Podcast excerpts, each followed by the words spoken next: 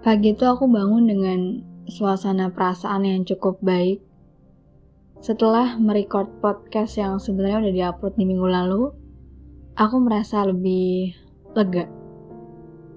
Ya mungkin yang udah denger isi podcastnya hampir 80% aku ngomong ngelantur tanpa naskah, tanpa edit, mengalir aja.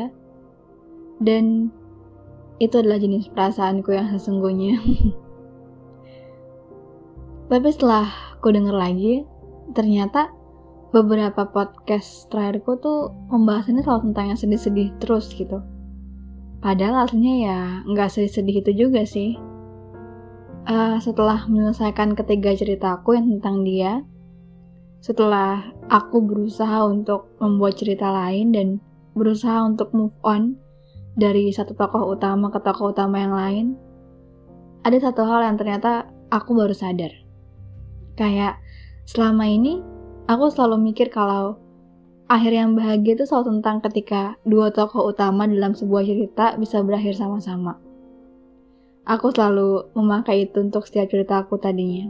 Sampai akhirnya ketika tiba masanya, aku harus dihadapkan sama suatu fase antara ini kalau dibuat sama-sama, bukan malah akhir bahagia yang tercipta nih. Mungkin aku yang menulis itu merasa bahagia, cuman gimana sama tokoh utamanya di dalamnya? Apakah mereka akan merasa bahagia atau malah terpaksa? Melanjutkan cerita sama orang yang dari awal nggak mau dijadikan sebagai tokoh utama ternyata sakit banget rasanya. Jadi malam itu aku iseng banget nih scroll isi chattingan aku sama dia. Saat di mana aku mencoba untuk nanya ke dia soal apa dan kayak gimana sih dan cerita yang dia mau sebenarnya gitu kan. Iya, kalian bener. Dia udah tahu kalau selama tiga tahun itu dibuatkan cerita sama aku. Di cerita pertama, dia masih kekeh untuk memberikan akhir yang bahagia. Dia bilang pokoknya Raka sama Kela harus sama-sama. Dia nggak mau ngebuat pembacaku kecewa. Padahal saat itu dia yang sering buat aku kecewa. Dan di sequel terus trilogi, begitu aku tanya sama dia mau diapakan akhir dari ceritanya, dia cuma bilang, kalau aku yang punya kendali untuk menentukan mau kayak gimana ceritanya. Tapi poinnya adalah dia bilang saat itu kalau untuk kali itu dia nggak bisa terus-terusan jadi tokoh fiksi. Karakter yang awalnya dia senangi, perlahan ternyata ngebuat dia merasa terbebani. Dan aku sadar, makin lama karakter fiksi yang aku buat untuk dia itu malah semakin terasa beda gitu. Terlalu banyak kebohongan tentang dia yang aku tuliskan. Dan ternyata dia nggak bisa nerima itu. Hmm, dan mungkin juga itu alasan kenapa di sequel dan trilogi aku merasa jalan sendirian. Aku merasa nulis cerita yang cuma aku yang ada di situ. Hampa banget ternyata rasanya.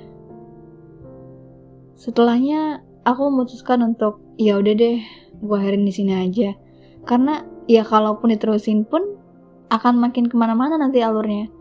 Ternyata menulis bukan cuma jadi hobi yang menyenangkan buat aku, tapi juga membuat aku ikut mengenal diriku lebih dalam lagi gitu. Teman-temanku tuh tahu banget soal aku sama dia tuh kayak gimana. Gimana susah payahnya aku selama ini bolak-balik pulang dari rumah yang sama. Mereka nggak bisa bilang kalau ini salah aku juga karena mereka tahu tiap kali aku coba untuk pergi untuk melepaskan perasaan itu dia selalu balik lagi. Kayak bumerang yang udah berusaha aku lempar dengan cukup jauh tapi akhirnya balik lagi gitu.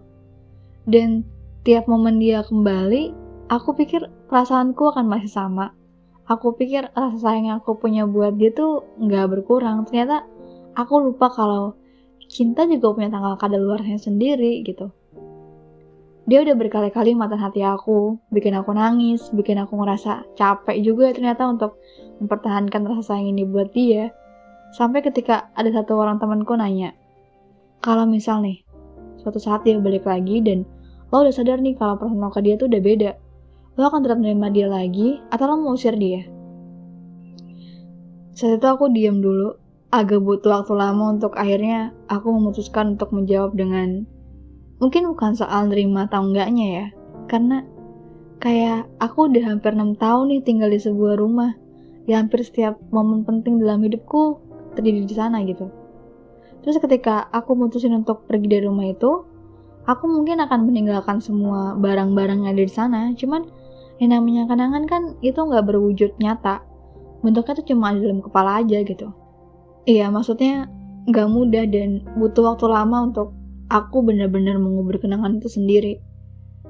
Selama ini aku udah coba dan aku masih mencoba untuk itu. Terus kalau ditanya lagi ya apakah aku masih sayang sama dia? Mungkin jawabannya iya. Masih cuman mungkin rasa sayang yang aku punya sekarang tuh udah kayak ya udah sayang aja. Sayang sebagai temen dan orang yang udah kenal dan dekat untuk jangka waktu yang cukup lama tapi kalau ditanya apakah aku mau balik lagi ke dia? Jawabannya enggak. Setelah semua yang terjadi I love you but I love myself too. Jadi kalau kembali ke dia ujungnya cuma buat aku sakit sendiri lagi kayaknya mending gak usah ya